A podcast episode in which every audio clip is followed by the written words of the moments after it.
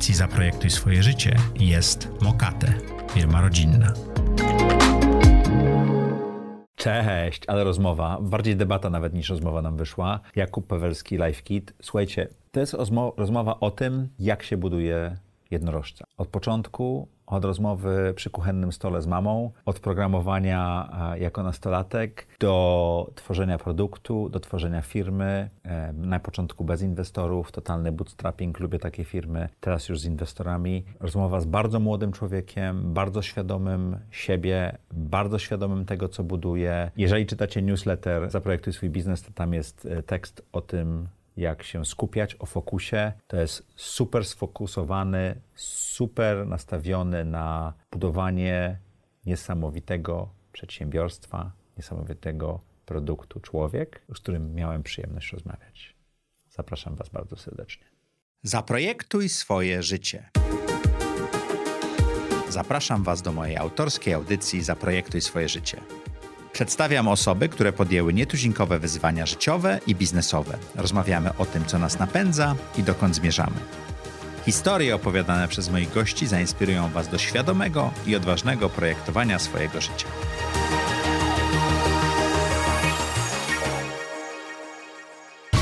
Najważniejszą wartością firmy jest zdrowie pracownika.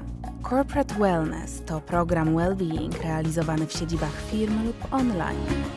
Jeśli chcesz zadbać o swoich pracowników, skontaktuj się z nami www.corporatemyślnikwellness.pl Cześć! Witajcie w kolejnym odcinku audycji Zaprojektuj swoje życie. Jak co tydzień, czwartek o czwartej. Zapraszamy dla Was interesujących gości, zadajemy trudne pytania, dowiadujemy się, jak doszli tam, gdzie są i jakie zakręty pokonali po drodze. Jeżeli jesteście tutaj pierwszy raz, koniecznie lajki, komentarze, nam jest to potrzebne. Jeżeli nie jesteście jeszcze w społeczności Zaprojektuj swój biznes, to koniecznie wejdźcie na zaprojektuj swój biznes.pl łamane przez społeczność. Oczywiście bez polskich znaków i tam możecie zapisać się na newsletter albo dołączyć do naszej społeczności. A dzisiejszym gościem jest Jakub Pawelski, LifeKit. I na razie tyle. I na razie tyle? Na razie tyle. No dobra. Słuchajcie, ja się zestresowałem tą rozmową na dzień dobry, bo rzadko przychodzi osoba, która za pierwszym strzałem robi coś tak fajnego i to wychodzi. Trzeba mieć chyba dużo szczęścia. Trzeba nie? mieć dużo szczęścia w no. projektowaniu swojego życia, ale to opowiemy o tej drodze, bo to oczywiście nie była droga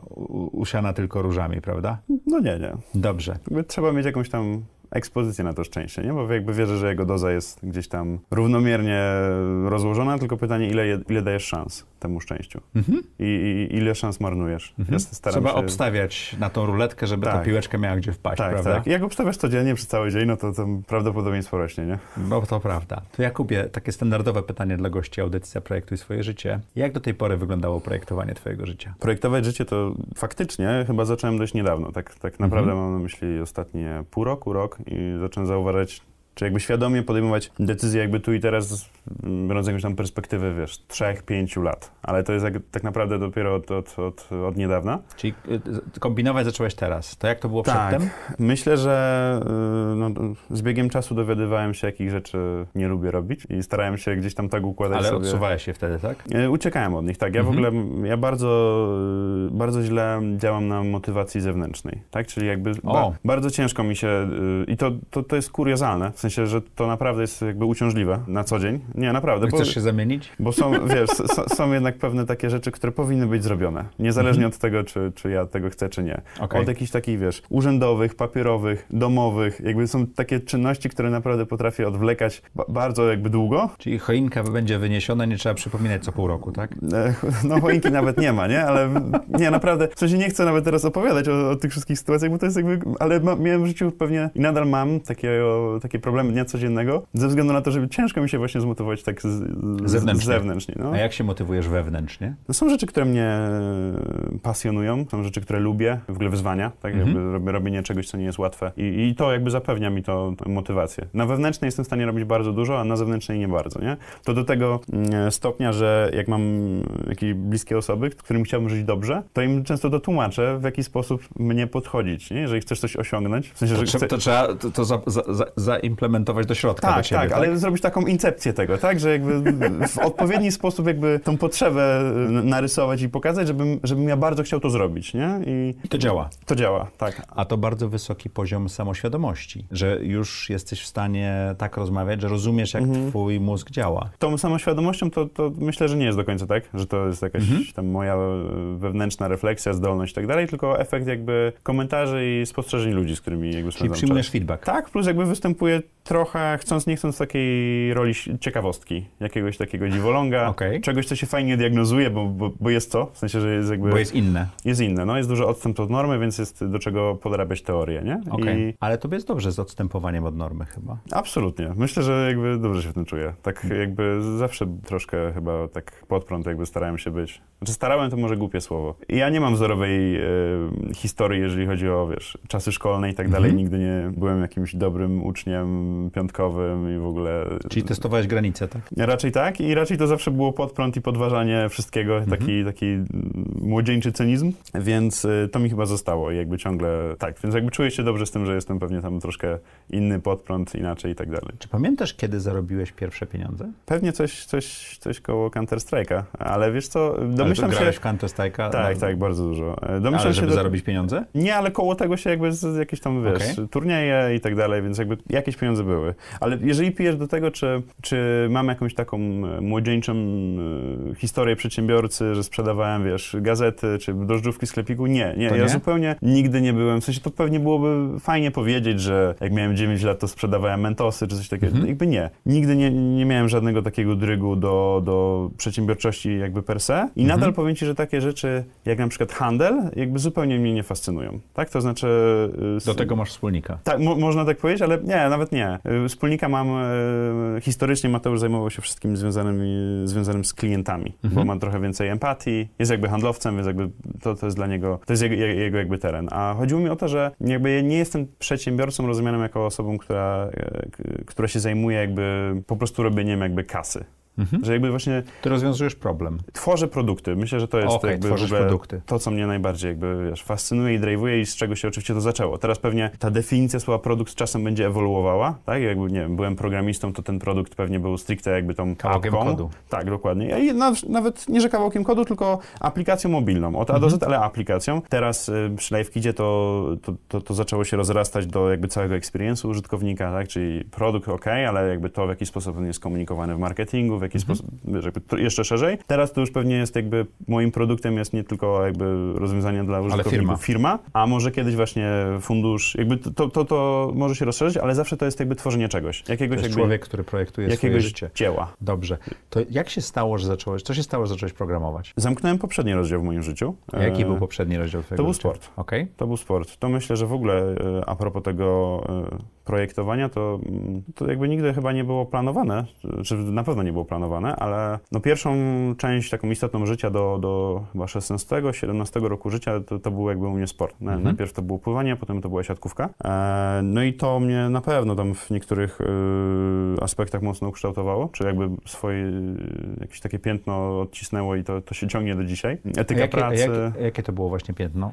Myślę, że etyka pracy, tak? To znaczy etyka pracy, brak w ogóle czasu wolnego. Czyli Wiesz, szkoła, no, trening. Trening, szkoła, trening, trening. Raczej Mhm. w ten sposób, że z domu się wychodziło o, na 7.30 na pierwszy trening i wracało się... Czyli wstawałeś o piątej, żeby, żeby zdążyć prawie. Tak, czy No, no, no tak, I, ale wiesz, i w tym nie ma żadnego heroizmu, tak? Tak po prostu było. Tak, i jakby to samo robię teraz i mm, tak samo mm, etyka pracy, która polega na tym, że po prostu codziennie się wstaje i poświęca się ileś tam godzin na to, żeby być coraz lepszym w tym, co się robi. Czyli taka, taka praca nad drobnymi, nie jakimiś rewolucyjnymi zmianami, tylko za każdym razem trochę lepiej, tak? To raz, a przede wszystkim jakby e, no, robienie tego. W sensie, że Mhm. masz jakieś, jakieś swoje rzemiosło, to odbijanie piłki, jak w moim przypadku, i codziennie poświęcasz czas na to, żeby być w tym coraz lepszy. Codziennie to robisz i nie ma za bardzo, na przykład koncept weekendów też był mi niezbyt znany, no bo wiesz, poniedziałek, piątek to, jest, to są treningi, weekendy to są mecze i turnieje, więc jakby mm, taki i, i, i co jakiś czas oczywiście jest jakiś day off, ale to jest jakby...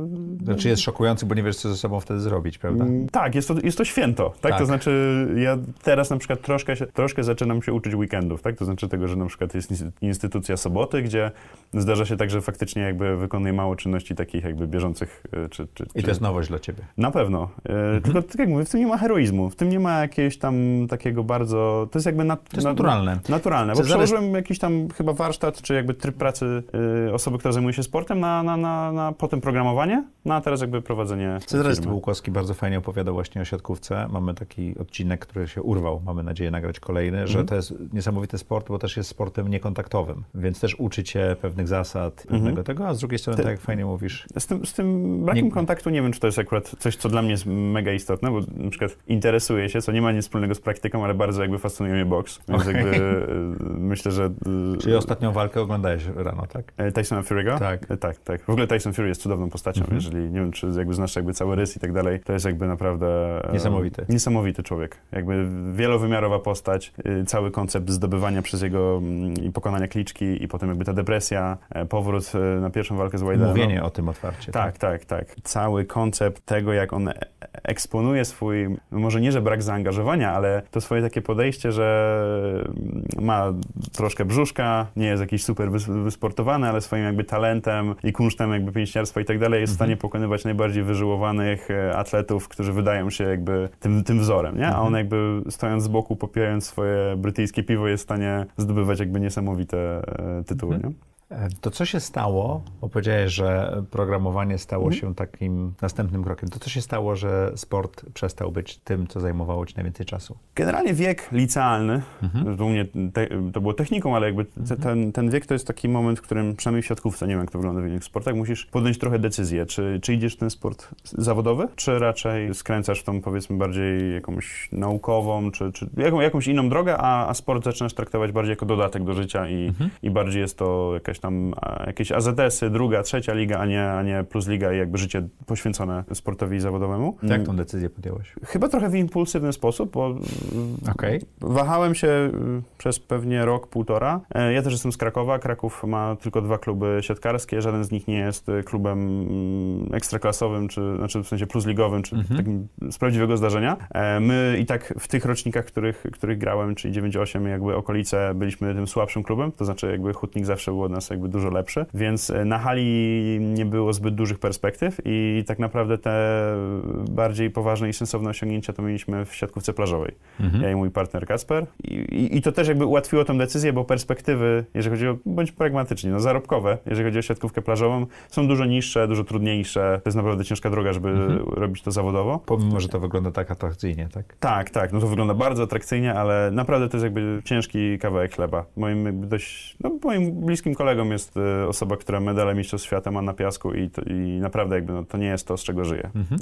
Co jest jakby żenujące tak ogólnie. W sensie Mhm. jak popatrzymy na to, jak, jak, cudowni są to sportowcy. Więc jakby takim punktem kulminacyjnym, e, żeby nie zanudzać, był, był turniej, na który pojechaliśmy jako absolutni faworyci. Po drugim miejscu w Plaży Open, czyli takim powiedzmy prywatnym, chyba w piłce nożnej jest tak, że jest jakaś taka jedna liga i druga, nie? Mhm. To jakby w siatkówce jest tak, że są Mistrzostwa Polski, które są tymi państwowymi i są jakieś takie prywatne, du- duże Mhm. turnieje. Tym dużym prywatnym turniejem była Plaża Open i tam zajęliśmy drugie miejsce w roczniku tam chyba dwa lata jeszcze, jeszcze starszym, chyba, chyba to było do 18 roku życia, co, coś tego typu. Wygraliśmy Mistrzostwo Małopolskie, Mistrzostwo Południa Polski, no i kolejnym krokiem było już Mistrzostwo Polski. Przyjechaliśmy na turniej właśnie w, e, Jako faworyci? jako faworyci, pełną gębą, to znaczy też czując się jako faworyci, co pewnie było początkiem końca. I, no i odpadliśmy chyba w drugiej rundzie, czyli jakby tak e, o wiele za taki, wcześnie. taki zimny prysznic. Bardzo zimny prysznic i, i to był moment, w którym e, no, stwierdziłem, że wtedy było, było dużo emocji, więc jakby ja wtedy chyba krzyczałem w głowie, że już nie chcę, żeby przypadek jakby rządził moim, moim, moim życiem i że wiesz, praca, którą wkładasz przez lata, czy nawet już patrząc pod kątem... jest trochę przypadku, Tak, prawda? patrząc pod kątem jakby sezonu nawet, nie? Że jakby już licho poprzednie 10 lat, ale jakby poświęcasz jakby cały sezon na przygotowanie do tego dnia i masz jakąś niedyspozycję. Czy, nie wiem, konflikt z partnerem, tak? Bo to, to, to w siatkówce plażowej to jest bardzo e, psychologicznie... E, Po prostu masz gorszy dzień. tak. Ale akurat tego dnia, który jest akurat bardzo tego, ważny, nie? Akurat tego dnia. I nagle jakby y, cały rok się nie liczy i, i spadasz gdzieś w dół i, i, i to było jakieś takie bardzo... A, a czy to właśnie ten konflikt z partnerem, czy też te relacje z partnerem czegoś cię nauczyły, co teraz wykorzystujesz w spółce ze wspólnikami? Znaczy to, y, żeby nie wybrzmiało to jakoś, jakoś Nie, ale to to- nie jest tak, że był jakiś konflikt, tylko wiesz, dwójka ale, osób. ale s- słabszy dzień, nie? Ale bardziej chodzi o to, że spędzasz ze sobą 10 godzin dziennie, nie? W sensie, wiesz, te treningi, zwłaszcza siatkówki plażowej, to jest spędzanie naprawdę, no, całego dnia na piasku, w słońcu, z jedną osobą, sobą, więc y, troszkę wszel wszelkie problemy, jakie mogą nastąpić, nie wiem, strzelam w małżeństwie, to jakby tutaj wychodzą po tygodniu. Jest... Ale czy takie siatkówka i plażowa i ta normalna, Aha. czyli działanie w zespole i tak dalej, to na pewno. coś ci zostaje teraz? Nie, no oczywiście, tak, tak, tak, na pewno. Okay. prowadzenie, myślę, firmy, czy jakby organizacji zespołu ludzi, zwłaszcza na tym bardzo wczesnym etapie, to jest jakby to samo, co prowadzenie zespołu. Czyli to pomogło. Tak, tak. No dobra, zostawiasz sport, emocjonalnie poniekąd, ale zostawiasz. Tak, tak. I skąd pomysł na to, żeby programować? To wynikało ze szkoły, czy ogólnie tego, co na świecie jest popularne, czy z czegoś innego? Nie, to w ogóle jakby do programowania jeszcze, jeszcze było jeszcze kawałek? Jeszcze kawałek. Ja, ja poszedłem do technikum informatycznego. Mhm. Co prawda ja z informatyką tam nie miałem nic wspólnego. To znaczy technikum jest ogólnie informatyczne, ale ja uczyłem się tam na kierunku teleinformatycznym, co mhm. sprawiło, że raczej siedziałem z, z kablami telekomunikacyjnymi, światłowodami, światłowodami i takimi rzeczami niż, niż z programowaniem. E, pamiętam, że nawet jak wybierałem ten kierunek, a nie informatykę, czyli jakby programowanie, to, to dlatego, że mocno uważałem, że nie nie będę programował, że mnie to mhm. nie interesuje, jest to dla mnie zupełnie nieatrakcyjne i tak dalej. Ale zawsze równolegle do tego sportu w życiu zawsze miałem jakieś takie, może nie artystyczne, ale jakieś takie twórcze, kolokwialnie mówiąc, zajawki. To znaczy na przykład robiłem zdjęcia krajobrazu, pewnie już tam, nie wiem, 10 lat temu, coś, coś takiego i no może troszkę mniej, 8. Więc jakby to, to, ten koncept jakby pracy i tworzenia czegoś no, mi gdzieś tam towarzyszył. Na pewno on był na absolutnie amatorskim, mhm. dorywczym i każdym jakby tego typu poziomie, ale jakby on, on istniał. I gdzieś to się zmaterializowało po, ty, po tym zerwaniu ze sportem takiej malutkiej agencji, to dużo słowo. No, siedziałem z moim uczestnym wspólnikiem, też Mateuszem e, i robiliśmy strony internetowe, grafiki, loga. Dla pieniędzy. Dla pieniędzy i no, to było zawsze coś ciekawszego niż siedzenie w ławce w szkole, tak? Okej. Okay. W sensie, no... Czyli nie chodziliście na zajęcia? No, bywało, że, że, że byliśmy tu wspólnie obecni. Tak. I to cię nauczyło programowania PHP? I nie, nie, to mnie jeszcze w ogóle nie nauczyło programowania, nie? to mnie nauczyło tego, że nie chcę prowadzić firmy usługowej. E, Okej, okay. ale to bardzo dobra lekcja. Tak, bardzo dobra lekcja. Pewnie to odcisnęło czy to, to skierowało jakby moje myśli ku produktom potem? A jak długo byłeś tam, w tej agencji? E, czy to były dwie osoby, ja i mój wspólnik. Jak długo e, byliście tam razem? Wiesz co, myślę, że to e, z różną intensywnością to trwało między pół roku a rok, tak mi się wydaje. Ale to była bardzo taka silna lekcja, że klienci, którzy przychodzą po usługi są specyficznym rodzajem zarabiania pieniędzy, prawda? Tak, bardzo specyficznym i no jakby wiemy, jakie są minusy firm usługowych, nie? Że jakby... Mm, my wiemy, a nasi słuchacze Znaczy, no generalnie na, na, koniec nie sprzedajesz jednak swój czas albo mhm. kogoś, więc jakby jakby... Niezależnie jak bardzo mnożone, tak? Tak, tak, dokładnie, więc jakby to, to pewnie też na początku jest super dla młodego człowieka, ale po jakimś czasie zaczyna być męczące. E, my też sprzedawaliśmy bardzo tani produkt, znaczy strona www, czy, mhm. czy logotyp dla e, losowej firmy, no to, to świadomość po drugiej stronie jest niska, więc generalnie najchętniej płacę raz, ale poprawki zgłaszam do końca, do końca życia, więc to było jakieś tam troszkę męczące. No i po jakimś czasie tworzenie kolejnej, kolejnej, kolejnej stronie w WordPressie, no to już jest trochę powtarzalne i nudne, mhm. nie? I zacząłem się jeszcze w tym, powiedzmy, mindsetie usługowym, zacząłem się interesować aplikacjami mobilnymi. Że tak, no okej, okay, strona kosztuje między 1000 a 4, sklep to może 5. W, w, sensie absolutnie wiem, że teraz te stawki wyglądają zupełnie inaczej, ale też jakby poziom profesjonalizmu naszej usługi e, był niski. 16 czy 17-letnich chłopaków no, był na mhm. jakimś tam odpowiednim do wieku poziomie. E, ale to też nie były dla was małe pieniądze wtedy, nie? Nie, no jakby wiesz, absolutnie czułem się wolnym człowiekiem. Zarabialiśmy faktycznie jakby realne pieniądze, które... Nie musiałeś potem... iść do rodziców po pieniądze na kino, nie? E, no tak, tak, no absolutnie. Czegoś tak sobie nie wyobrażam. Więc, więc, pojawił się koncept aplikacji mobilnych jako trochę bardziej, trochę droższy, bardziej marżowy i ciekawszy Ale produkt. ciągle usługowo. Tak, w sensie y, produkt w sensie, że jakby usługa do wykonania, mhm. że dzieło do stworzenia. No i zacząłem się jakby gdzieś tam uczyć z YouTube'a, w sensie na zasadzie, ok, od jutra chciałbym robić aplikację i, i móc mówić um, naszym klientom, że możemy to żabkę wam zrobić, więc, um, e, więc zacząłem się uczyć z YouTube'a. To jest w ogóle bardzo ciekawe, a propos mojego wspólnika uczestnego Mateusza. Nauczył takiej bardzo fajnej rzeczy, bo ja z natury jestem raczej zachowawczy, taki bardzo rzetelny, a Mateusz miał e, taki polot biznesowy na zasadzie, że mhm. Na przykład nie robiliśmy nigdy sklepu internetowego. Nigdy. Nie mieliśmy o tym pojęcia i raczej jak... jak Ale on potrafił to sprzedać, tak? W sensie on w, totalnie na pełnym jakby luzie, zupełnie bez jakichś tam kompleksów i tak dalej. Mówił, tak, dowieziemy, macie w tym doświadczenie? Absolutnie, znamy się na tym, to będzie zrobione. I, mhm. Więc jakby on, on, mnie tego, tego, tego nauczył i to jakby cudowna w ogóle A lekcja. potem siedzieliście po nocach, Tak, no i tak? potem jakby to wracaliśmy i okej, okay, no to teraz trzeba zrobić, no nie? E, więc, e, więc jakby zaczęliśmy, zacząłem się uczyć, czy w ogóle czytać, jak te aplikacje w ogóle zrobić skąd to się bierze i tak dalej. Nie mając naprawdę zupełnie doświadczenia w żadnym programowaniu nawet PHP czy stron internetowych, nic.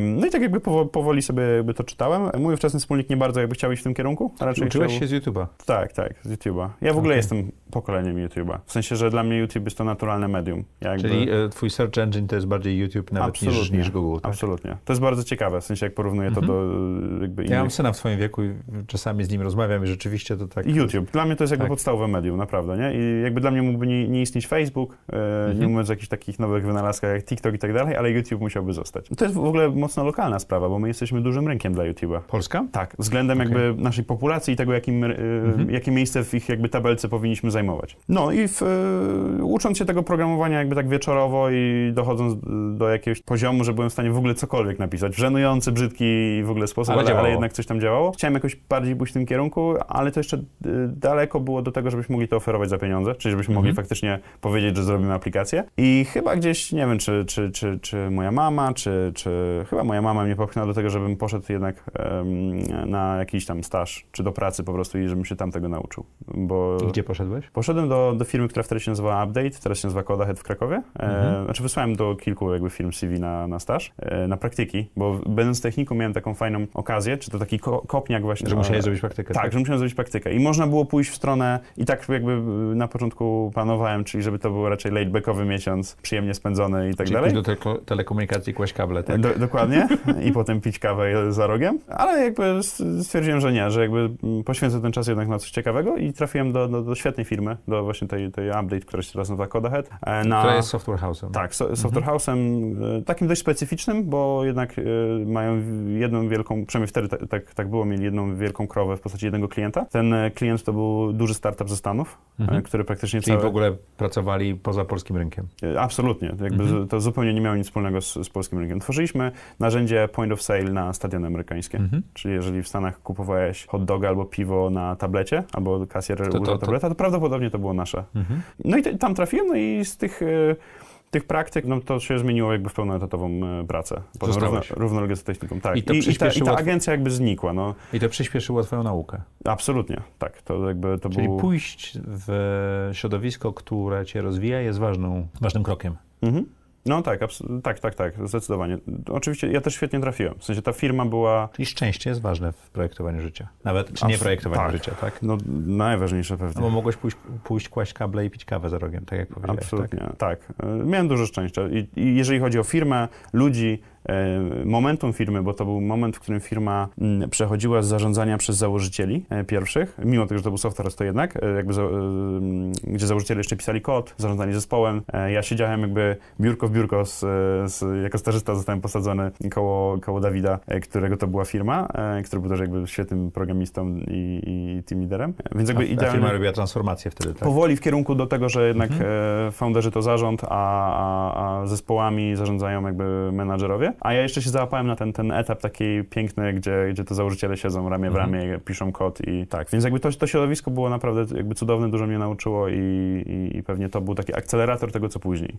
I jako, że ja nigdy, tak jak ci wspomniałem, nie miałem drygu do tego, żeby być przedsiębiorcą, robić jakieś swoje, nie, nie, nie miałem jakby takich potrzeb, no to ja tam zostałem dość długo. Ja tam pracowałem i świetnie się czułem jako programista tam przez, e, myślę, jakieś półtorej roku. To jest dość długo. E, no, jak, jak, się, jak się ma 23 lata, to jest bardzo tak, długo, tak? Tak, tak. E, no, tak, to, to było długo. Ale to, to, była, to był dobry czas, bo dużo się nauczyłeś, tak? Mhm. To skąd pomysł na LiveKit? Może opowiemy, czym jest LiveKit przez moment. Co to jest za... No właśnie, bo tak... E, tak opowiadamy o tobie, no właśnie, e, ale to... to... co mnie bardzo skusiło, to, to biznes do tej rozmowy, to biznes, który stworzyłeś, Jasne. tak? No, historia wygląda, e, patrząc... Mo, może dwa zdania o tym, czy, czy, czym jest LiveKit. My robimy potem... aplikację, czy system do zarządzania żłobkami przed szkolami, czyli z jednej strony korzystają z tego rodzice, jest to dla nich taki coś, co w wyższym szkolnictwie, znaczy w szkolnictwie wyżej troszeczkę znamy jako dzienniki elektroniczne, mhm. z tym, że z racji jakby specyfiki rynku, żłobka i przedszkoli, to jest to trochę bardziej taki komunikator, twoje e, mhm. takie okno na świat, okno na to dziecko, tak? Czyli mhm. jakby planowanie nieobecności, zamywanie posiłków, oglądanie zdjęć to Za chwilę opowiemy dziecka. o aplikacji więcej, bo, Jasne. bo, bo to jest niesamowite. Ale, więc ale jest to SaaS, czyli software Jest to SaaS, ale y, to, co jest istotne, to, że ta część dla rodziców to jest oczywiście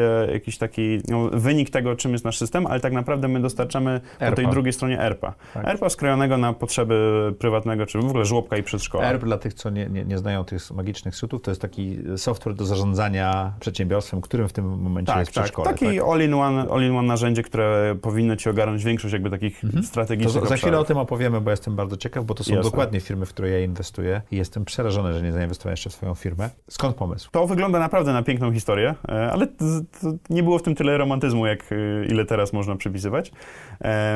Moja mama prowadziła żołbek. Ja- wtedy byłem na tym etapie pierwszych miesięcy w, w tej firmie, w której pracowałem, w Update'cie. Jako programista. I Tam też z racji właśnie etapu e, tamtej organizacji, że ona była na dość wczesnym etapie, to miałem możliwość jakby podglądać pracę innych osób, tak? czyli zarówno project managerów, designerów, e, e, czy, czy osób, które w ogóle jakby to trzymały jakby... Czy wejdę ci to, czyli warto wejść w organizację, która jeszcze nie jest ustrukturyzowana, bo wtedy masz szersze pole widzenia, prawda? Absolutnie tak. Okej. I plus jakby możesz się przydać, czyli jest duża szansa, że jeżeli masz w ogóle ochotę dać od siebie trochę więcej, e, To trochę więcej się nauczysz. I, no bo ktoś to chętnie przyjmie, bo generalnie rąk tam do pracy jest zawsze za mało. Em, obszary odpowiedzialności są bardzo płynne, jeszcze nie podzielone, więc generalnie jeżeli będziesz podnosił rękę i, i, i będziesz szybko się uczył, dużo słuchał i tak dalej, to, to możesz podotykać wielu obszarów, gdzie, których pewnie nie miałbyś okazji dotknąć w większej No bo w organizacji. większej organizacji trafiłbyś do jakiejś komórki i byś robił to, co trzeba w tej Mhm. komórce. Tak jakby mówiąc e, stricte na gruncie e, tego, czym się zajmowałem, czyli aplikacje mobilne, no to pewnie w dużej firmie nie miałbym w ogóle pojęcia, jak wygląda proces deploymentu, zarządzania jakby w ogóle aplikacją w sklepie, Google czy Apple i tak dalej. A tam musiała to robić osoba e, obok mnie, czyli jakby Dawid, który tą, tą firmą zarządzał. I Więc chętnie ci dawał jakieś kawałki, żebyś mógł to zrobić. Może tak? dawał to, to dużo powiedziane, ale mogłem tak przez ramię patrzeć i zadawać czasami mało irytujące pytania i troszkę się ciekawić. I Rozmawiasz z mamą? Rozmawiam z mamą, czy w ogóle widzę ten, ten jej żłobek, no widzę jakieś takie bolączki, problemy tego, tego Mieszkałeś z rodzicami wtedy. Tak, tak, tak. No miałem 17 lat, więc jeszcze, jeszcze faktycznie chwilę, chwilę pomieszkiwałem. Czysto jakby z pobudek takich, e, żeby się czegoś nauczyć, żeby zrobić coś ciekawego, zaczynam sobie po prostu dłubać narzędzie do, e, do wtedy stricte zaznaczania obecności, posiłków i wyliczania na koniec miesi- miesiąca należności Za na- jedzenie. Na, za jedzenie i za, za obecność. No I, to był, I to była największa bolączka. E, no, mamy, taka najbardziej manualne. widoczna dla mnie, no bo w weekend, jak, czy pod koniec jakby miesiąca widziałem, jak siedzi i liczy ten, bo to jest tak, że na, Na, na, przykład... na kartce papieru. tak, pewno. tak, no czy, czy, na, czy w Excelu, ale jest, to, to jakby tak samo manualne jest. Em, więc jakby na początku to było narzędzie jakby stricte do tego, e, czyli Mhm. zaznaczanie obecności, e, posiłków, jakichś opłat dodatkowych, dotacji i na koniec miesiąca wyliczenie należności, jakby Mhm. tyle. No i tak sobie to ciągnąłem powiedzmy równolegle do tej mojej pracy. Czyli napisałeś jakiś software, żeby mamie ułatwić życie. Tak, tak. Pewnie teraz możemy powiedzieć, że stworzyłem MVP że to było, wiesz, taki early stage, ale jakby zupełnie naprawdę tam nie było tak, takiej teorii. Ale ty nie próbowałeś zrobić produktu, ty próbowałeś pomóc mamie. Eee, Czy, to, czy, czy już ta myśl się pojawiła od razu? Ja, ja produktu nie próbowałem stworzyć na pewno na samym początku. Ja prowadziłem side project. Jakby wśród programistów to jest dość, dość e, jakby częste, że... Ale ten side project był dla ciebie pomysłem na biznes już wtedy, czy jeszcze tylko pomocą nie, był piasko, piaskownicą i polem jakby doświadczalnym. A, żeby po prostu uczyć się Tak, więcej tak, no bo- programować, rozszerzać swoje, swoją no, wiedzę. projektować w ogóle aplikację, tak? Bo już jakby nie dostajesz zadania, w sensie taska do zrobienia, tylko jakby jesteś w stanie kreować w ogóle cały produkt, e, zobaczyć właśnie samemu go wypuścić. I do, sam to robiłeś. Tak, tak, tak. Do, do tego stopnia jakby to nie był produkt i nie było tam takiej biznesowej smykałki, że e, bardzo długo nasz produkt był tylko na iOS-a. No bo ja byłem programistą. Apple'owym, więc jakby to, to była naturalna jakby droga. No i dla jednej placówki, dla jednego przedszkola, czy tam żłobka mojej mamy, to nie był problem, żeby kupić jakby tablet e, Mhm. Apple'owy, nie? No bo to ten koszt jednostkowy nie, nie, nie był tak, tak, tak istotny. Mm, No i to sobie tak raczkowało i kroczek po kroczku e, i tutaj ciężko, już nawet nie pamiętam szczerze, gdzie, gdzie był ten taki, taki mm, moment przełomowy, gdzie stwierdziłem, że z, zrobimy z tego produkt. To i... kiedy pojawił się wspólnik? No właśnie wtedy, jak dojrzałem do tego, że chciałbym jednak, żeby, żeby to był produkt i żeby to był taki mój projekt, który będzie generował jakieś pieniądze i będzie pozwalał mi e, już realizować się jakby tylko w tym, jako programista, więc jakby znowu jakby nie mówimy jeszcze o jakimś etapie mm, wizji budowania jakby firmy, organizacji, biznesu, tylko... Kiedy założyłeś spółkę? E, no to jest akurat data, którą często w dokumentach gdzieś tam muszę powiedzieć, że to był listopad 2017, tak. I jak duża to już była firma? Nie, no to, to był jakby etap naprawdę, mm, nie wiem, Ilu mieliście klientów? e, 20? Okej. Tak strzelam. Czyli działaliście jako jednoosobowa działalność gospodarcza na początku, czy nawet nie? Nawet Przepraszam, nie. tego pytania nie było, jakby ktoś się pytał. Nie, no tam- w sensie nawet nie wiem, czy szczerze nie pamiętam, czy przez jakąś działalność gospodarczą jakiegoś znajomego, czy nie, nie, nie A to nie miało znaczenia wtedy, tak?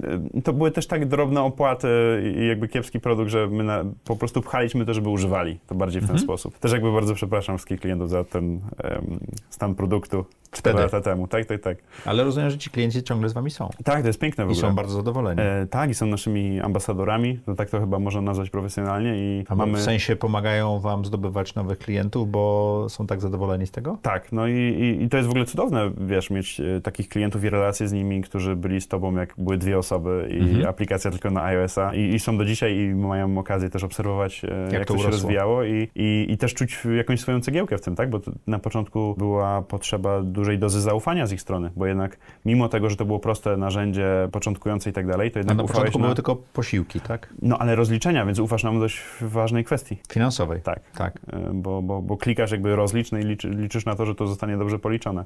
Mhm. E, I było dużo na początku, wiesz, wywrotek, fuck-upów i, i, i nie- niedoskonałości, z którymi jakby oni no, no, wzięli to na klatę, mówiąc Jak sobie radziłeś z tym, z tymi relacjami, żeby to było? No bo No nie, no za, za relacje z klientami to, to odpowiada mój wspólnik. To jest właśnie ten nasz podział, który tak na Czyli ty samym za początku... produkt, Produkt, biznes. Relacje, tak? Tak, a on za wszystko związane z klientem, bo jest jakby w tym, tym świetny i nieporównywalnie jakby, znaczy jakby ja się do tego nie nadaję.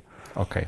Jak ten produkt ewoluował? Z prostego narzędzia Jesteśmy do... 4 lata po założeniu tak, tak. No teraz to jest jakby po tej mm, stronie y, ERP-owej, no to jest Mhm. już taki naprawdę dojrzały system, w którym jakby zrobisz wszystko od właśnie obecności, posiłki, Mhm. plany zajęć, grafiki pracowników, wystawienia rachunków, przyjęcie płatności, bo my też te płatności przetwarzamy. Przyjęcie towarów i tak dalej, Eee, pewno tak? Czy, czy... Towarów nie, po, Okej. jakby magazynów, w, w Mhm. tym sensie jakby... Tego jeszcze nie ma. Te, tego jeszcze nie ma, Mm, ale płatności za przedszkole, które rodzic płaci przez aplikację, jak dostanie rachunek, to jest stanie od razu zapłacić. I to są fajne wolumeny, bo my w tym momencie, ostatni miesiąc chyba, to było około 15 milionów złotych.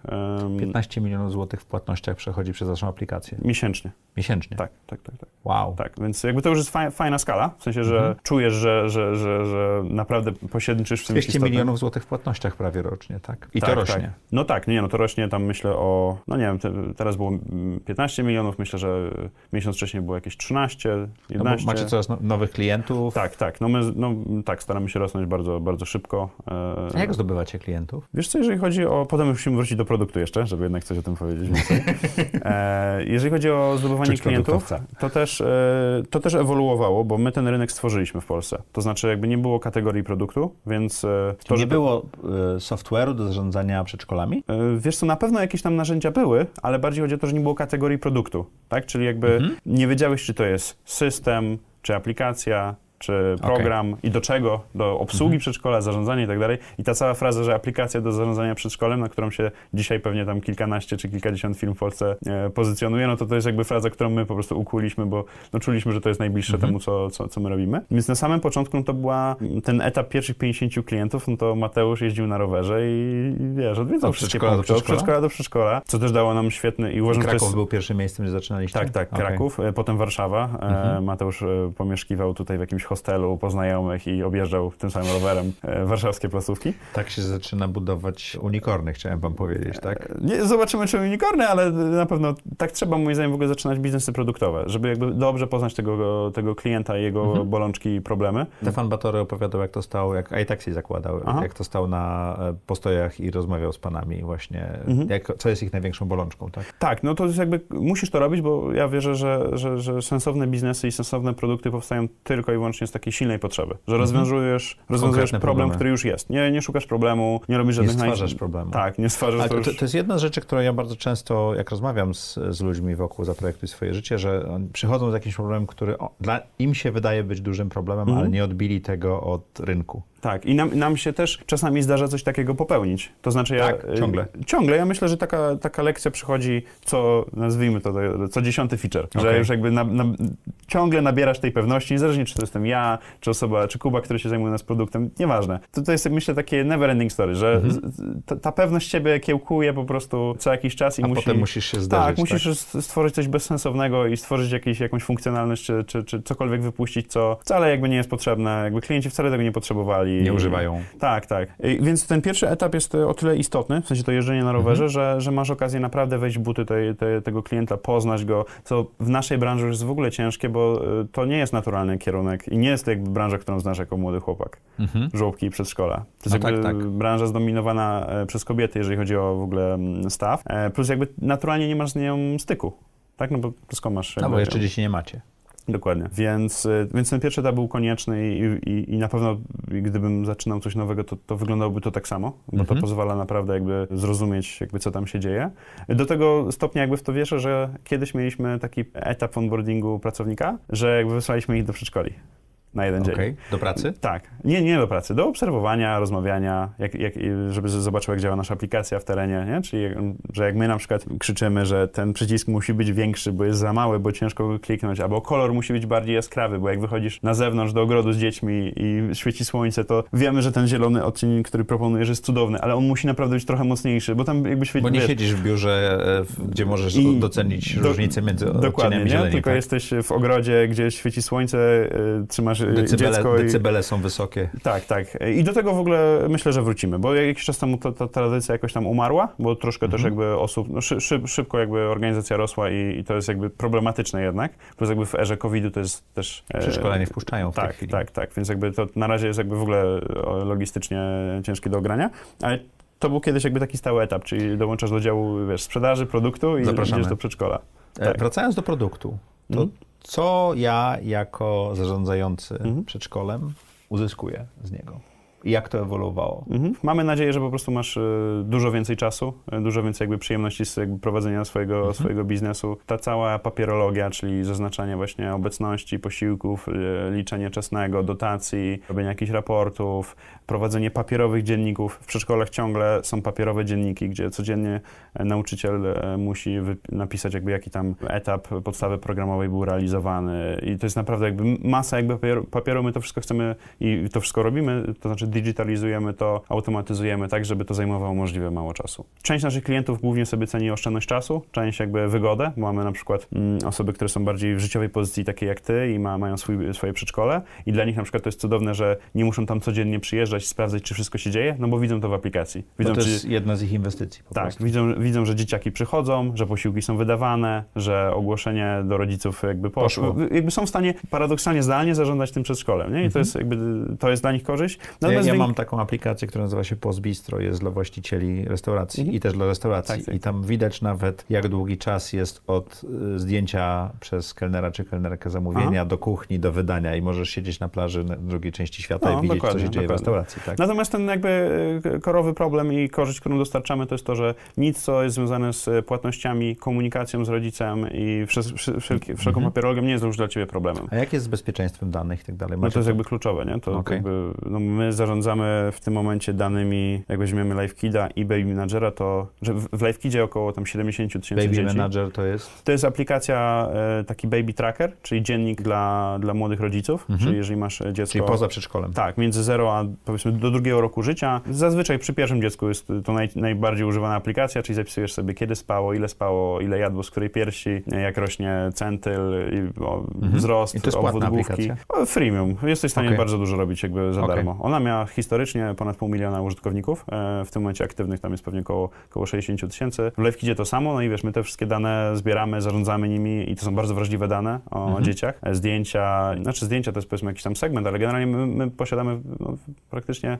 no, wszystkie dane Dużo dzieciach. wrażliwych tak, danych. Tak, więc jakby to jest jakby kluczowe i Czyli bezpieczeństwo danych tak, jest tak, ważne. zdecydowanie. I jeżeli chodzi o komunikację, bo to jest jakby też fajne, nie sprzedażowo, tylko żebyś naprawdę to zrozumiał, bo mm, dla ciebie ten, to dziecko jest najważniejsze i do przedszkola dzwonisz, piszesz SMS-y, mówisz face to face i tak dalej, a po drugiej stronie jest organizacja, która te wszystkie informacje musi jakoś zagregować, zadziałać, coś z tym zrobić i w erze jakby braku żadnej takiej aplikacji jak nasza, e, to jest jakby strasznie problematyczne, bo masz trochę taki syndrom, że z jednej strony prowadzisz przedszkole, więc jakby to nie jest jakiś wielki biznes, a z drugiej strony masz dostępność jak e, prezes wielkiej korporacji, jakby jesteś 2-4 na dobę, zawsze odbierasz, bo nie wiesz, czy jutro ktoś nie przyjdzie, czy przyjdzie, czy chce, nie wiem, inny A posiłek. w ten sposób może się przez aplikację e, komunikować. tak, I no te to wszy, wszystkie, ważne osoby zostaną poinformowane, tak? Absolutnie tak. To samo na przykład w drugą stronę, że jeżeli przedszkole chce w jakiś sposób e, poinformować rodzica, niezależnie czy mówimy o ogłoszeniu, które idzie do wszystkich, ale załóżmy, że coś się dzieje istotnego z twoim dzieckiem, nie trzeba je odebrać, albo jest jakaś informacja, Albo która spotkanie z logopedą, tak? Tak, albo jakiś wniosek, obserwacja, Mhm. coś, co powinno trafić do rodziców, no to różne są jakby sytuacje prywatne, czasami rodzice są po rozwodzie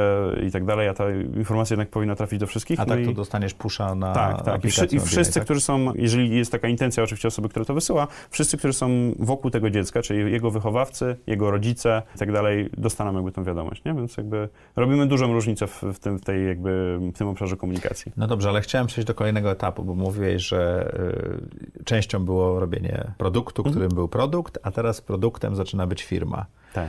I umawialiśmy się na to nagranie, słuchajcie, 9 miesięcy albo 10. Jakub co chwilę odwlekał, bo między innymi zmieniliście model e, prowadzenia firmy, szukając wspólników zewnętrznych. Tak, tak, tak. Bo wy jesteście moją taką ulubioną organizacją na start, czyli bootstrapem, czyli doprowadzam do pewnego momentu organizacji, że ten produkt już działa Mhm. i nie, nie jest tak, że mam pomysł i szukam miliona złotych, żeby ruszyć, tylko No nie, no niech to my- działa. Utrzymywaliście się z, między innymi dlatego, że mogliście mieszkać z rodzicami oczywiście, ale z tego, że ta aplikacja... Nie, no, nigdy nie mieszkaliśmy z rodzicami na etapie budowania. Już nie. nie. Ale byliście w stanie utrzymać się z tej aplikacji od... No na początku utrzymywaliśmy y, y, się i pierwszych, pierwszych ludzi z mojej pensji, bo jeszcze bardzo długo, bardzo długo. Mhm. y, to był taki etap, że bardzo długo pracowałem równolegle na etacie.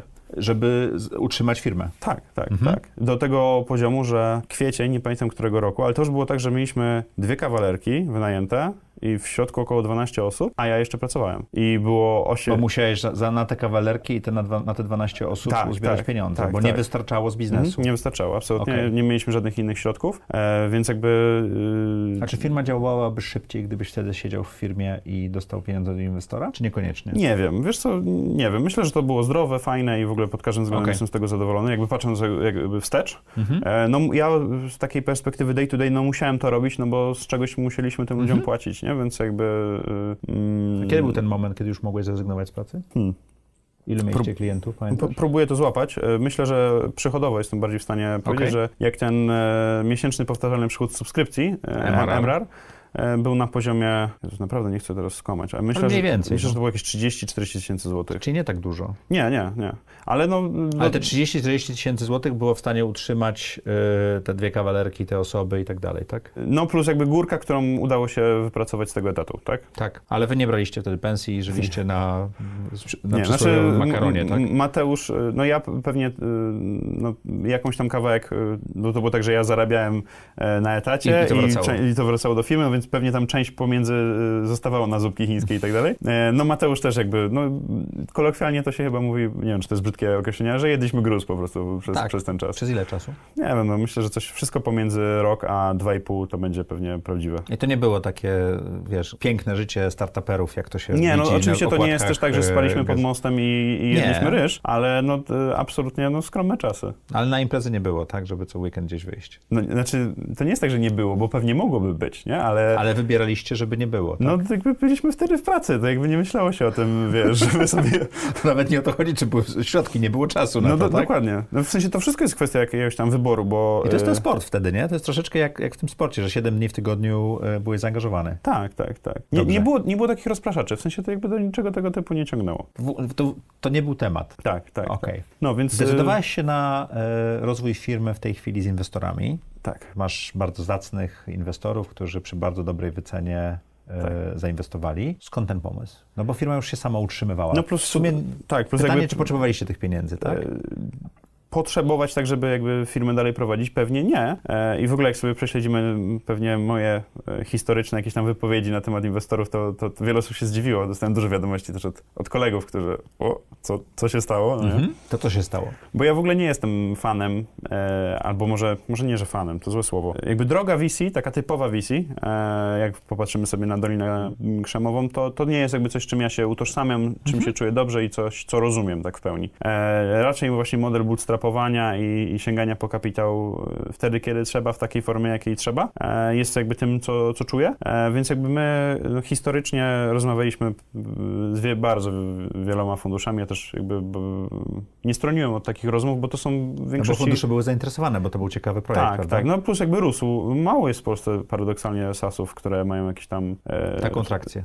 Y, tak, że to się rozwija szybko i, i faktycznie bez jakiegoś tam dmuchania Mhm. balona, tylko jakby, ge- że generuje przychody z produktu, który faktycznie jest potrzebny, plus jak zawsze jak pokazujemy jakieś nasze... Mhm. Ale to znaczy, że znaleźliście właściwą niszę, prawda? Tak, bo, bo tak. ta potrzeba jest rzeczywista. Tak, tak, tak. No i to powoduje, że wszystkie wskaźniki typu e, CAC do LTV, czy w ogóle LTV u nas nie ma, no bo czerń jest na tak niskim poziomie, że... LTV to jest e, wartość klienta w, w czasie. No u nas to, to jest nie, jakby niemierzalne, bo z każdym miesiącem jest coraz A większe. nie macie, cze- przedszkola nie odpadają od was? No, znaczy czern, jeżeli chodzi, jak sobie popatrzymy, taki net churn, to jest jakby negatywny, tak? To znaczy e, jakby jeden dolar w naszym biznesie z subskrypcji, no to rośnie, a nie spada w czasie. Mhm. E, Czy ekspansja tych kont i dołączanie nowych przedszkoli przez y, klientów, e, czy, czy zwiększanie pakietu na tym samym przedszkolu jest większe niż odsetek rezygnacji i zmniejszania, tak? Czyli Okej. jakby baza rośnie Czyli to sama. jest ta krzywa, uśmiechnięta krzywa, jak to nazywają w Dolinie Krzemowej. Tak, Czyli tak. najpierw klienci są zachwyceni, potem troszeczkę mniej, a potem rozszerzają ilość usług, które kupują już na koncie, tak? U nas to akurat nie wynika stricte z tego.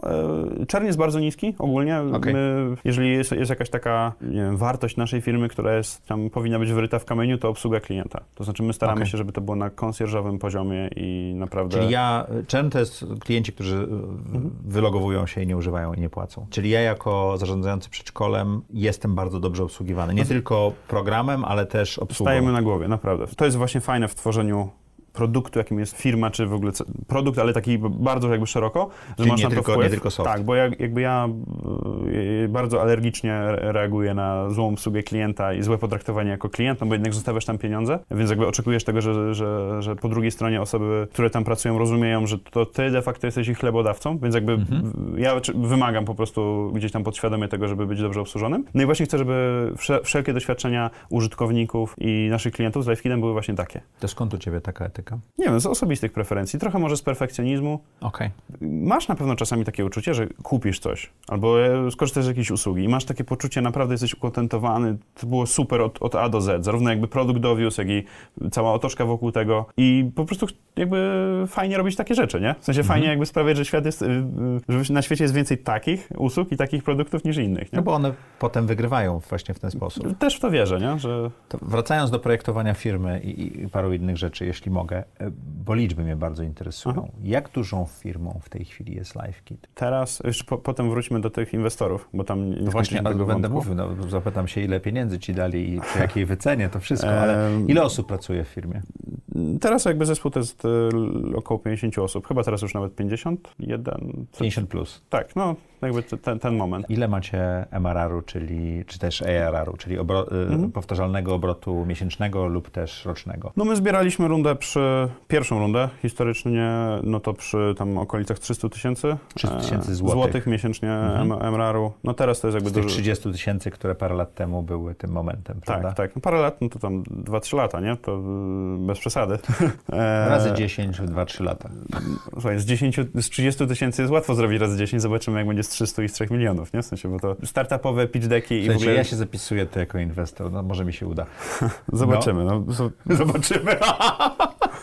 Jest jeszcze jakaś tam mała, mała pula, wiesz, dla znajomych, ale to jest naprawdę e, niewielki Ja się zgłaszam jako znajomy królika. Nie, przepraszam, ja, ja, ja chciałbym zrozumieć. W tym momencie- Czern jest niewielki, Tak. long term wa, wa, wartość klienta w czasie jest mm, niepoliczalna, znaczy No jeszcze nie, no tak, no bo... bo za krótko, tak? No plus jakby, y, no, ja uważam i wierzę w to, że my rozwiązujemy problem, który istnieje faktyczny. Faktyczny. Ból głowy, czas poświęcony, Mhm. pieniądze zmarnowane, wiesz, na, na posiłki, które ty jako właściciel biznesu zamówiłeś od cateringu, a jednak nie dajesz ich rodzicowi, bo rodzic je odwołał. A jaki jest koszt pozyskania klienta? Ten, ten, bo to, to już, już się nie jeździ na rowerze, nie, Nie, siedzi, nie, nie, no nie, to nie mieszka w hostelach, macie z, zespół sprzedażowy, prawda? Marketingowy, sprzedażowy, no, jakby absolutnie wszystko jest Mhm. online'owe, to jakby to, tam Mhm. od, od momentu tych 50 klientów pierwszych to już nie ma żadnego fizycznego e, Nie- nie komponentu. na to. E, tak, tak, to wszystko się dzieje absolutnie zdalnie i jakby proporcje outboundu do inboundu, czy jakby tej sprzedaży przychodzącej do wychodzącej, tej, którą tak naprawdę generuje marketing, polecenia i, i świadomość jakby brandu na rynku, do sprzedaży wychodzącej też się z czasem zmienia, no bo Czyli czasem jest coraz więcej przychodzącej? tak, tak, tak. Ile procent przychodzącej w tej chwili macie sprzedaży? Wiesz co, no na przykład pierwszy, te- teraz to jakby nie chciałbym akurat mówić o ostatnim czasie, ale mogę powiedzieć, że takim przełomowym momencie, e, bo ja tego tak bardzo nie śledziłem, gdzieś zakładałem, znaczy zakładałem podświadomie, że my sprzedajemy w outbandzie w większości, a na samym początku tego roku mieliśmy pierwszy kwartał, w którym 40% e, sprzedaży to był inbound. I to był taki moment, w którym się podrapałem po głowie, wow, nie? W sensie, że jakby i, i zacząłem sobie przeglądać jakby Czyli każdą... zbliżacie się do momentu, kiedy ponad ponad połowa sprzedaży będzie Tak, tak, przechodziła tak, z... tak, na rynku polskim, tak? Bo to jest jakby tak. też istotne. To jest taki efekt tego, że e, my jakie mamy jeszcze rynki chcecie obsługiwać? e, w tym momencie niemiecko i hiszpańskojęzyczne. To są I to rynki, już na którym działa? tak, mamy dział sprzedaży, sprzedajemy i mamy pierwszych kilkudziesięciu klientów. Jakby skala na razie jest mała w porównaniu do Polski, ale no to, to jakby tak, to się zawsze powoli rozpędza, bo potem masz taki bardzo fajny efekt, przez to, że z tego korzystają rodzice, rodzice zmieniają żłobki na przedszkola, zmieniają też żłobki, bo się przeprowadzają, no i nie bardzo mają ochotę potem wracać do tej papierowej, e, SMS-owo. Ja, tak rozumiałem tą aplikację dla niemowląt również waszą, prawda? Że ona w pewnym sensie tych rodziców przeprowadza. Tak, tak. Znaczy to jeszcze nie jest e, oparametryzowany i jakby zarządzany proces, e, przejście z Baby Managera do LiveKida, ale... Ale docelowo? I, tak, docelowo tak. Nie docelowo w ogóle LiveKit będzie, mam nadzieję, SaaS-enabled marketplace'em, jeżeli mówimy już o modelach i o tym, czym docelowo... To jest najlepszy model, czyli zarówno mamy aplikację, która rozwiązuje problem Tak. e, prowadzących, ale również mamy marketplace, czyli rynek, gdzie możemy sprzedawać inne Tak, produkty. co, co powoduje, że, że przy budowie marketplace'u nie masz tego problemu jajka i kury, nie? No bo masz, jakby podaż tych użytkowników masz zapewnioną, bo oni wchodzą do twojej aplikacji zupełnie z innego powodu. I mają ten powód, on jest silny, jest związany w ogóle z najcenniejszą rzeczą, jaką mają, czyli dziecko. E, Wchodzą tam, bo muszą jakby, wiesz, być na bieżąco, Mhm. właśnie planować nieobecności, no komunikują się z przedszkolem, więc oni i tak tam są. No ale dobra, wracając do poprzedniego wątku, bo tam coś, coś, coś Wątków było. mamy dużo, się gubimy. No tak, to jest jakby... E, Było a, o inwestorach. a, e, no tak, my zebra, zebraliśmy... Powiedziałeś, że byłeś antyinwestorski. Przepraszam, E, Anty-VC, anty-VC. Anty-VC. Bo e, pieniądze historycznie próbowaliśmy zebrać kilka razy, na Mhm. Bardzo wczesnym etapie. Najpierw to było 50 tysięcy za 20%. My jakoś tak... e, 50 tysięcy za 20%. Tak. Ktokolwiek tego nie wziął, to Nie wziął, nie wziął, nie wziął to... e, popełnił wielki błąd. Mieliśmy takie spotkanie na szczycie w KFC Mhm. w Krakowie na Krowodrzej Górce, właśnie z, z, Z inwestorem. inwestorem potencjalnym. To był pierwszy użytkownik, z, znaczy jeden z pierwszych użytkowników e, ze strony rodzica, z Mhm. któregoś z przedszkoli, tych powiedzmy... I nie zdecydował się? Nie, nie, nie, nie, bo tam nie potrafiliśmy pokazać odpowiedniego, wiesz, takiego, gdzie, gdzie będzie ten, tam był problem ze zrozumieniem tego, że to nie jest do końca tak, że ty nam dajesz pieniądze, my robimy break-even za tydzień i jakby to ci generuje jakąś tam dywidendę, tylko że I człowiek nie potrafi inwestować w startupy. e, w ogóle nie, nie kumał zupełnie, wiesz, firm e, technologicznych Mhm. i produktowych, e, jakby to był, problem był ze zrozumieniem w ogóle konceptu, że produkt tego typu nie, nie jest 20, gotowy. te 20% w tej chwili ile jest warte? E, Przy wycenie spółki no ostatniej? jakieś tam, no z 9, z 9 milionów, Te 20% jest Tak. warte 9 milionów. coś takiego. To było najgorzej niezainwestowane 50 tysięcy złotych. A, a potem, potem próbowaliśmy, e, mieliśmy jeszcze jeden taki, taką sytuację. E, momentu już nie jestem w stanie wskazać, ale on też jakby był blisko tego początkowego. E, I to było 200 tysięcy, więc już grubszy kapitał, no ale jakby stake ten sam, czyli też 20%. Czyli te 200 tysięcy zrobiłoby ciągle tylko 9 milionów złotych. Tak, e, dokładnie. W I, 3 lata. e, mniej więcej. Tak, tak, tak. Nie, nawet chyba dokładnie. Chociaż mam straszny problem z, e, Że też, my, że też my 3 lata temu nie gadaliśmy. My nigdy nie chodziliśmy jakby po rynku, więc Rynek jakby przychodził do was. Y, Tak. I to były tylko takie sytuacje, albo sytuacje, w których wiedzieliśmy, że ktoś ma mm, pieniądze i byłby w stanie nam jakby pomóc, no i więc wtedy jakby wtedy gadaliśmy. Mhm. Tylko, że jak się pewnie domyślasz, dla takiego mm, inwestora, czy w ogóle osoby, y, która szuka jakichś instrumentów finansowych, a nie zna w ogóle rynku startupowego, no to, to zawsze brzmi crazy, nie? Mhm. Że Dajesz jakieś pieniądze na produkt, oni twierdzą, że ciągle potrzebują tych programistów, że ten produkt ciągle trzeba rozwijać. No wiesz, jakby nie, nie rozumiesz w ogóle jakby fizyki jakby tego świata. Nie no, bo fizyka jest E. taka, że musisz wydać dużo więcej pieniędzy na początku niż jesteś w stanie zarobić, ale potem będziesz zarabiał niews- niewspółmiernie więcej, bo to, to się skaluje, tak? I to Tak, geometrycznie no, się No skaluje. plus jakby kwestia zrozumienia, że de facto Wykładniczo, przepraszam. e, ty jako inwestor raczej nie planujesz zarabiać operacyjnie na tym biznesie, raczej, Yy, e, tylko raczej liczysz na wzrost wartości aktywa, które kupiłeś, I, I pewno za dekadę lub trochę dłużej. to, to swoją drogą, nie? Mhm. Jakby Znaczy, horyzont w, czasowy... w waszym modelu ten horyzont jest krótszy, ale Tak, generalnie tak, tak, ale że generalnie to nie chodzi o, o tą dywidendę na tak Mhm. wczesnym etapie, nie? Mhm. Chociaż o, o, osobiście uważam, że no ja lubię spółki mm, zyskowne, tak? W sensie No tak, ale wasza spółka wypłacając dywidendę, a nie Ale nie, reinwestując ale te pieniądze... zyskowna spółka wypłacająca dywidendę to są jakby dwie różne rzeczy, nie? W sensie ja jestem przeciwnikiem w nowym, w tym jakby nazwijmy to, w obszarze, w którym działam, wypłacania dywidendy, no bo to jest zły znak, to znaczy no... jakby znaczy, że nie umiesz- nie wiesz, co nie wiesz, co zrobić z z pieniędzmi. Jakby, jeżeli masz firmę technologiczną, czy w ogóle jakąś taką powiedzmy new biznesową i nie masz za bardzo w co inwestować pieniędzy, jakby na jakie nowe R&D, czy to, to, to, to naprawdę źle o tobie świadczy, źle Mhm. o twoim biznesie w sensie. Ale wiesz co, Michał Rokosz, który był gościem audycji, zrobił świetną prezentację na Internet Beta, gdzie Mhm. właśnie, jeżeli nie widziałeś, to polecam, zlinkujemy, gdzie on troszeczkę mówi, że te spółki niekoniecznie muszą być zyskowne w pewnym momencie, Aha. bo jeżeli jesteś w stanie przyspieszyć wzrost, wydając więcej pieniędzy w danym roku, czy przez, przez jakiś okres, to może być kilka lat, to to się opłaca. Mhm. Tak? No bo jednak chyba, koszt, chyba słuchałem. koszt pozyskania tego klienta może być większy niż y, przychody z tego klienta przez 3 miesiące, 6 miesięcy czy 12 miesięcy. Mhm. Tak? I w tym no, momencie... w ogóle taki, taki powiedzmy standard branżowy, który akurat u nas to jest, y, u nas jakby payback klienta to jest bardziej między, w zależności od miesiąca, między mhm. 2 a 7 miesięcy, więc jakby nie ma w ogóle... Bardzo niski.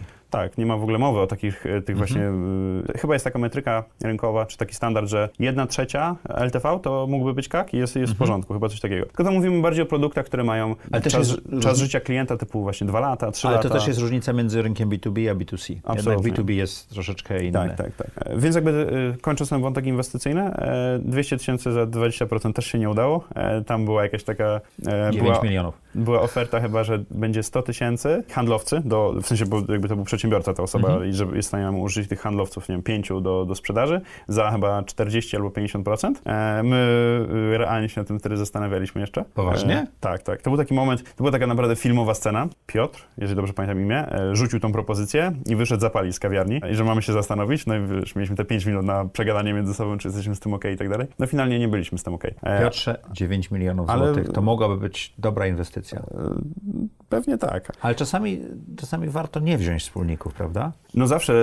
E, jeżeli oni nie pasują do tak, tego Tak, no i pomysłu, właśnie. I tu możemy przejść do, te, do, tego, e, do tej do kwestii VC i w ogóle mhm. tego, dlaczego i dlaczego taki setup inwestorski po co i tak dalej. Że dla mnie ta, ta, ta, ta taka droga modelowa, żeby trzaskać rundę co 12 miesięcy, żeby koniecznie, no jeżeli w ciebie inwestuje taki prawdziwy fundusz VC, w sensie taki modelowy i ma to podejście portfelowe, takie zgodne z tym, mhm. jak to powinno wyglądać, no to mówimy tylko o tym, że twoja firma powinna mieć, musi mieć potencjał e, zwrócenia całego portfela kilka razy, czyli mhm. te miliardowe wyceny to jest jakby, tylko w to jest sens inwestować. No a ja się z tym fundamentalnie nie zgadzam. W sensie jakby dla mnie, mi to przypomina jakichś takich, wiesz, młodych chłopaków, którzy siedzą w szkole, w ławce i opowiadają o tym, co to będą kiedyś robić, nie? W sensie, mhm. że no... Mm, nie do końca rozumiejąc mechanizmy. E, tak, plus jakby, wiesz, dla mnie, zbudowaliśmy biznes, który teraz będzie miał e, RRR-u 5 milionów złotych. E, mhm. Czyli rocznego obrotu. Tak, w subskrypcji. Subskrypcji, e, przepraszam. subskrypcji, obrotu. E, I teraz jakby e, zmużdżamy się i jakby myślimy o tym, jak zrobić z tego 20, potem będziemy myśleć jak 50, jak 100, jakby powoli. Tak? W sensie mhm. zastanawianie się i robienie jakichś ćwiczeń, jak dojść do tego miliarda i 100 milionów dolarów RRR-u, no to jest dla mnie jakby bez... Ale pieniądze od inwestorów pomogą wam przyspieszyć w tej chwili. Absolutnie. Pomogą wam tak, zdobywać tylko... Hiszpanię i tak, Niemcy, absolutnie. bo to byłyby rynki, które na początku nie będą zyskowne, tak? Absolutnie. I... I to nie będą zyskowne przez kilka lat prawdopodobnie. No zobaczymy. zobaczymy, natomiast e, tak, no... Gdzie mam wysłać pieniądze jako inwestor? Setup inwestorski mamy właśnie taki, który jest spójny z moim e, podejściem jakby do tego, okay. jaka ma być firma, nie? Czyli inwestorzy mają troszkę, tak modelowo, oni mają troszkę większą awersję do ryzyka, czyli właśnie nie inwestują portfelowo. To nie jest tak, że e, zebrali fundusz e, x milionów, inwestują w 30 spółek. No, czyli mają podobną, podobną politykę, to, jak, jak ty masz Tak, jest to, jest to taki growth capital z założeniem, że inwestujemy w podmioty, które na pewno urosną, a to czy urosną... Dwa razy czy 20 razy? Do, no, pewnie trochę inne liczby, ale... Jeżeli, to, to jakie liczby? To, czy to urośnie no bardziej liczę na to, że zwrócę te pieniądze trochę większą nawiązką inwestorom.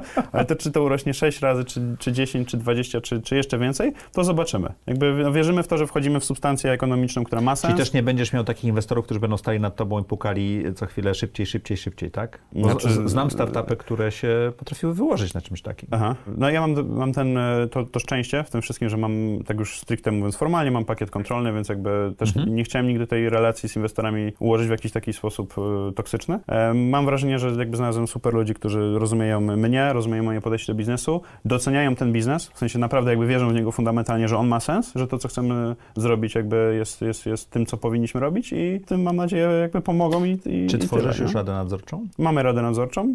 Nie jest, my jesteśmy kwartał po inwestycji, więc to też nie jest jakby y, jakiś Czyli jeszcze, jeszcze miesiąc miodowy trwa. E, miesiąc miodowy trwa, nie ma co y, nic podsumowywać mhm. i tak dalej, nie? Y, Ale rada nadzorcza, nie, nie, nie chodzi mi o nadzór, tylko tylko takie ciało doradcze dla Mhm. założycieli jest ważne, że rozszerzy ci horyzont myślenia, tak? Tak, no to jest w ogóle też ważne, żeby inwestorzy, którzy, y, którzy mm, są z nami na pokładzie, to też nie są przypadkowe osoby, w sensie interpersonalnie. To, są, to nie są, e, nie chciałbym nikogo urazić, ale to są osoby, które w jakichś tam aspektach są dla mnie na pewno, e, no nie wiem czy zawsze autorytetem, czy to jest dobre słowo, ale są na pewno na niektórych poziomach mentorami, osobami, do których chcę się zwrócić o radę, chcę posłuchać, co mają do powiedzenia. To są osoby, do których jakby chętnie przychodzę o radę i, i mam wrażenie, że, że, że są to osoby, z- osoby, z którymi po prostu jakby warto to robić. W przeciwieństwie do funduszy, które, w których są osoby, które jakby nic, tak naprawdę w życiu nie zbudowały, niczym nie Ale zarządzały. zajmują się zarządzaniem, tak? On to jest zupełnie inny.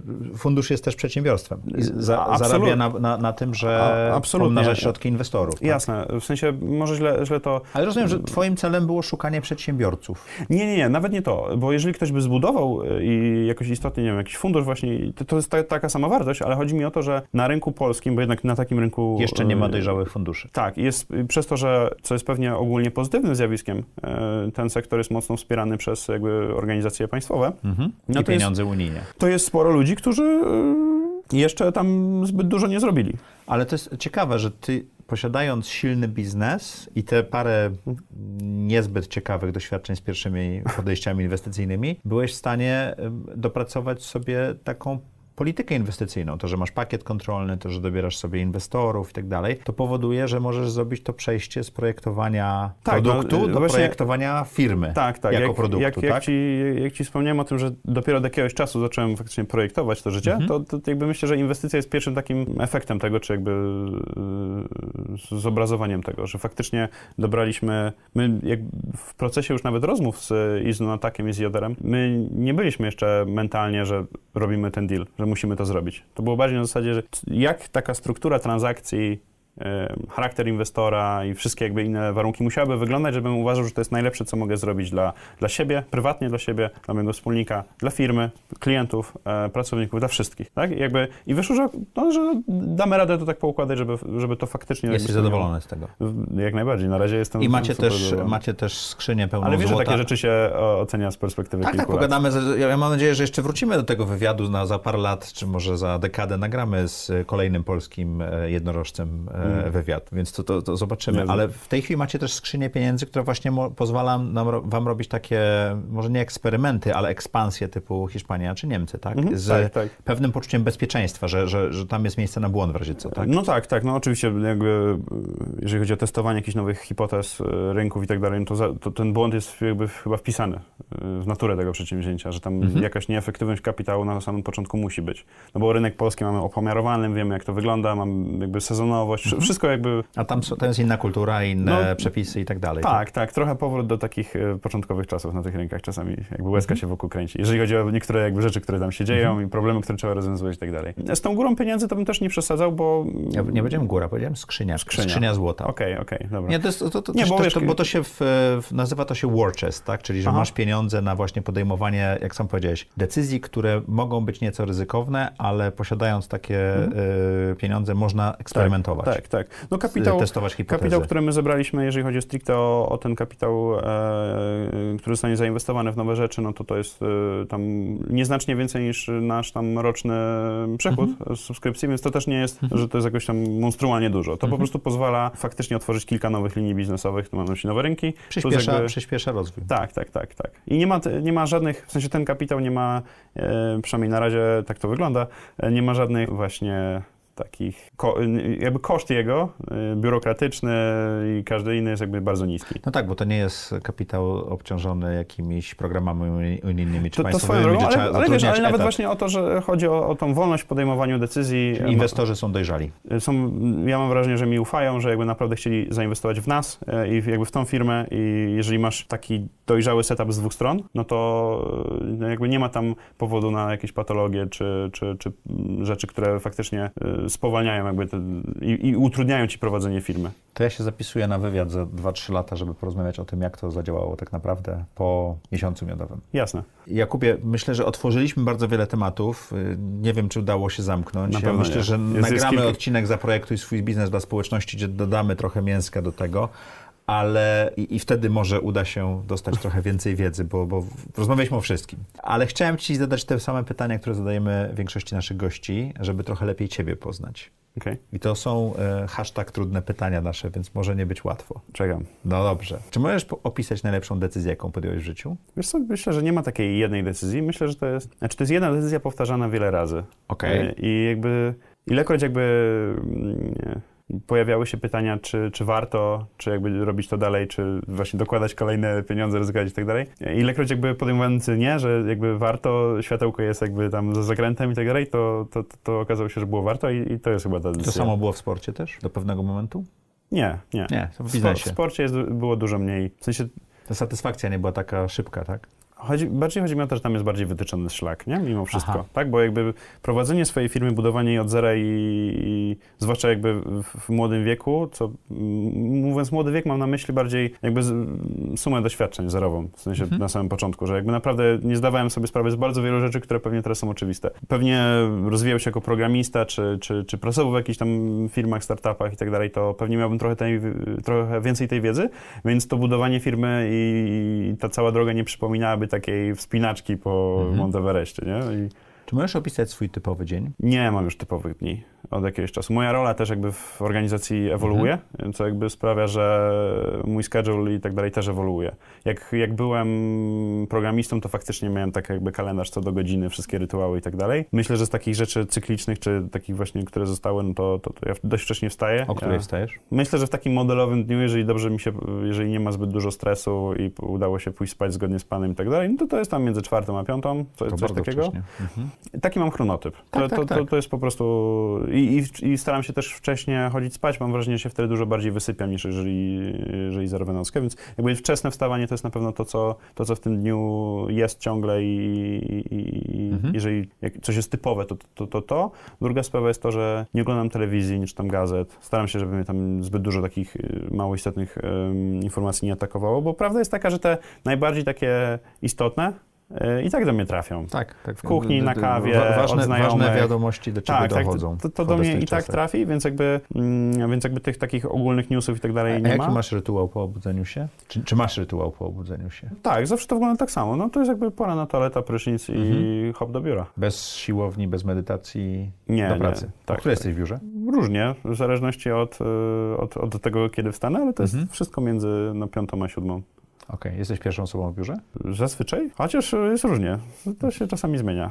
Okej. Mamy też inne ranne ptaszki, które lubią przyjść wcześniej. Ale nie jestem, często nie jestem ostatnią osobą w biurze, bo ja naprawdę... A o której wychodzisz? Bardzo różnie, serio. Jakby mój dzień jest Mhm. tak jakby ostatnio dziwny, że, że to, i to też nie chodzi o to, żeby siedzieć do późna do, w biurze. Jakby część Nie, mojej pracy polega na spotykaniu się z ludźmi i, i przynoszeniu jakby ciekawych tematów do firmy, co często powoduje, że trzeba jednak wyjść z tego biura. Ale ja generalnie po godzinie 20, y, czy nawet 19 myślę, to już sensownej pracy jakby nie wykonuję. W sensie y, jest to bardziej Czy już, praca już jesteś zmęczony na tyle, że, że to koncepcyjna, strategiczna, pochłaniam jakieś treści, jakby raczej w tą stronę niż, niż taką... nie... To jak kończysz dzień? y, No, wychodzisz do 19, 20.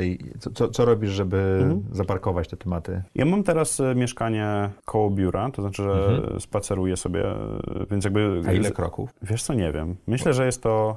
Jest to takim y, spokojnym chodem około 10 minut. Bo ja tu policzyłem, że tam mam Tak? niecałe, niecałe 800 kroków. Tak? To jest e, taka...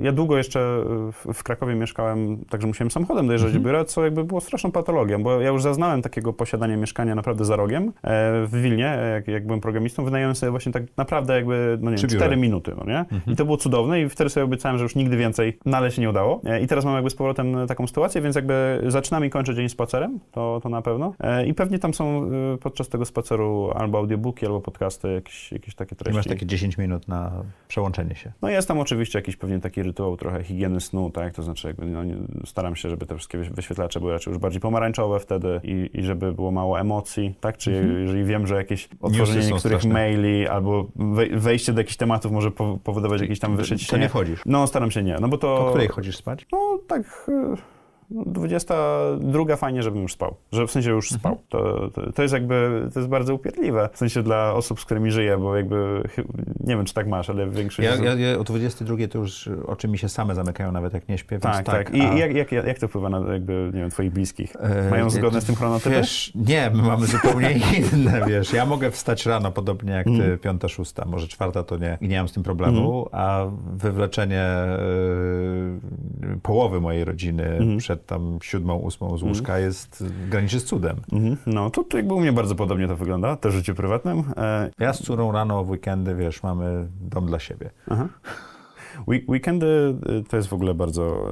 y, To jest cudowny czas też na pracę, y, naprawdę, Mhm. bo, bo jakby mm, jeżeli masz problem z tym, żeby odrzucić od siebie bieżączkę i jakby wszystkie te takie tematy, które cię bombardują od rana do wieczora, to, to w weekendy ich naturalnie nie ma, bo większość ludzi jednak odpoczywa, więc jakby można się skupić nad tym, co naprawdę ważne, nie? Jak prowadzisz własną firmę, to ciężko ją zostawić, nie? Tak. Nawet Tak. na weekend. No tak. E, czy mógłbyś przestać coś teraz robić, co poprawiłoby twoje samopoczucie lub spowodowało twój rozwój? Chyba z dość dużą dumą powiem, że, że poza oczywiście tym, że jest dużo obszarów, które staram się w firmie profesjonalizować, Mhm. delegować i tak dalej, bo to jest jakby taki, myślę, że e, no właśnie e, ciągły proces, ale tak życiowo to powiem Ci, że chyba, chyba nie. Ja też te rzeczy bardzo ze swojego życia na bieżąco eliminuję. To znaczy, ja dość, dość dawno temu y, chyba, nie wiem, czy, nie wiem, czy zrozumiałem, czy postanowiłem, że nie będę za bardzo robił rzeczy dlatego, że ktoś tak by chciał, że ode mnie wymaga, czy używa słowa, na które mam alergię, czyli wypada, że coś wypada. Więc jakby te, te rzeczy y, eliminuję ze swojego życia y, raczej na bieżąco i nie pozwalam, żeby się one się pojawiały. Do tego stopnia, że no, no jakby chodzę codziennie tak samo ubrany i też nie ma naprawdę jobsologii y, za dużo. Jest, raczej, Jobsologii. jest raczej y, po prostu nie chcę... Wygoda. Wygoda, tak. Jakby lubię... Nie, nie podejmujesz decyzji, tak? I rano nie mam sytuacji, że się y, denerwuję, że coś jest, nie wiem, niewyprane, coś do czegoś, nie wiem, nie pasuje. I wiesz, jakby, jakby to, jest, to są emocje, które są mi niepotrzebne. Wstaję, dokładnie wiem, co będzie, patrzę tylko na temperaturę powietrza, żeby się zastanowić, czy moje polo będzie miało długi czy krótki rękaw i jakby to jest tyle, nie? Więc jakby te rzeczy naprawdę y, w miarę na bieżąco eliminuję. Myślę, że taka jedna, która mi została, ale która jakoś tam jest związana z moją pracą i, i, i tak to sobie tłumaczę. Może to wcale nie jest związane z moją pracą, ale, ale czynię sobie taką wymówkę. E, to są social media. Chciałbym, żeby one kiedyś zniknęły.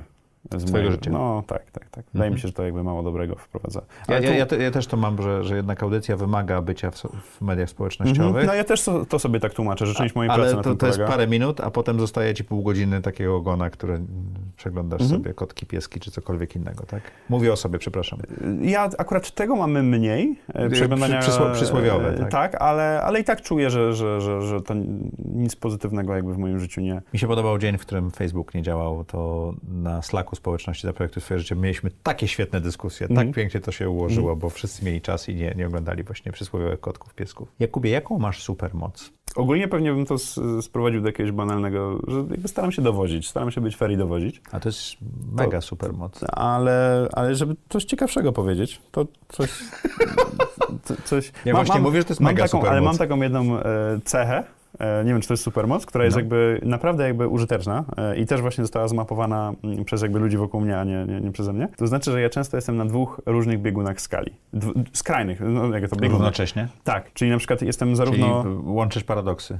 Jestem bardzo osobą bardzo pokorną i naprawdę jakby mam w sobie strasznie dużo pokory i mało takiej, takiej, takiej husarii biznesowej. Jestem bardzo pokorny, ale je- jednocześnie jestem bardzo pewny siebie. Bardzo. W sensie, że jakby nie, nie no mam dużo jakby odwagi i, i w wielu jakby takich, mm, takich materiach potrafię być na dwóch różnych końcach skali to jest absolutnie spójne. W sensie jakby nie czuję jakiejś takiej dychotomii czy, czy czegoś w tym stylu i, i to czasami naprawdę jest, e, jest fajne. Znaczy w sensie, że myślę, że pomaga. Właśnie jeżeli chodzi o tą pokorę i pewność siebie w relacjach międzyludzkich, w podejściu jakby do osób, w prowadzeniu biznesu i tak dalej. Książka która? Która mimo tego, że będzie bardzo klisze, bardzo, Mhm. e, to, e, to była takim jakimś e, akceleratorem, momentem jakby refleksji, który myślę, że mnie popchał do przodu, jeżeli chodzi o, tą, o ten początek drogi i zaczęcie robienia stron i tak dalej. To była biografia Steve'a Jobsa, więc Mhm. naprawdę bardzo klisze, ale była to książka, która pokazała mi jedną bardzo fajną rzecz, e, bo ja wcześniej, z racji tego, że zajmowałem się właśnie sportem i od nauki raczej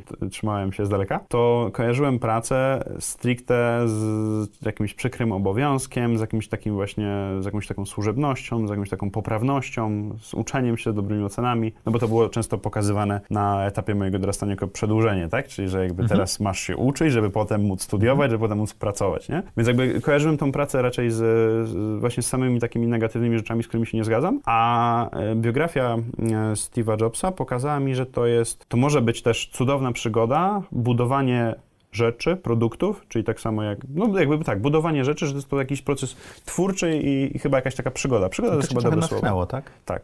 Jakubie, co chciałbyś, żeby widzowie i słuchacze audycji Zaprojektuj swoje życie zapamiętali z tej rozmowy? Z tych wszystkich otwartych No właśnie, wątków. właśnie ciężko to powiedzieć, nie?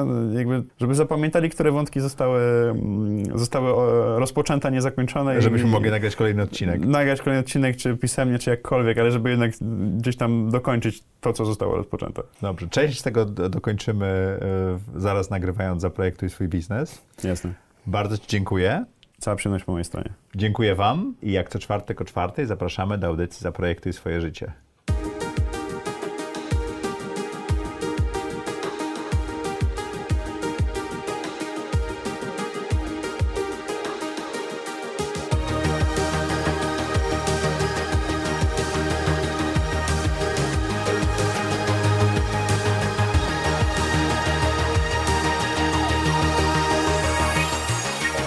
Zaprojektuj swoje życie.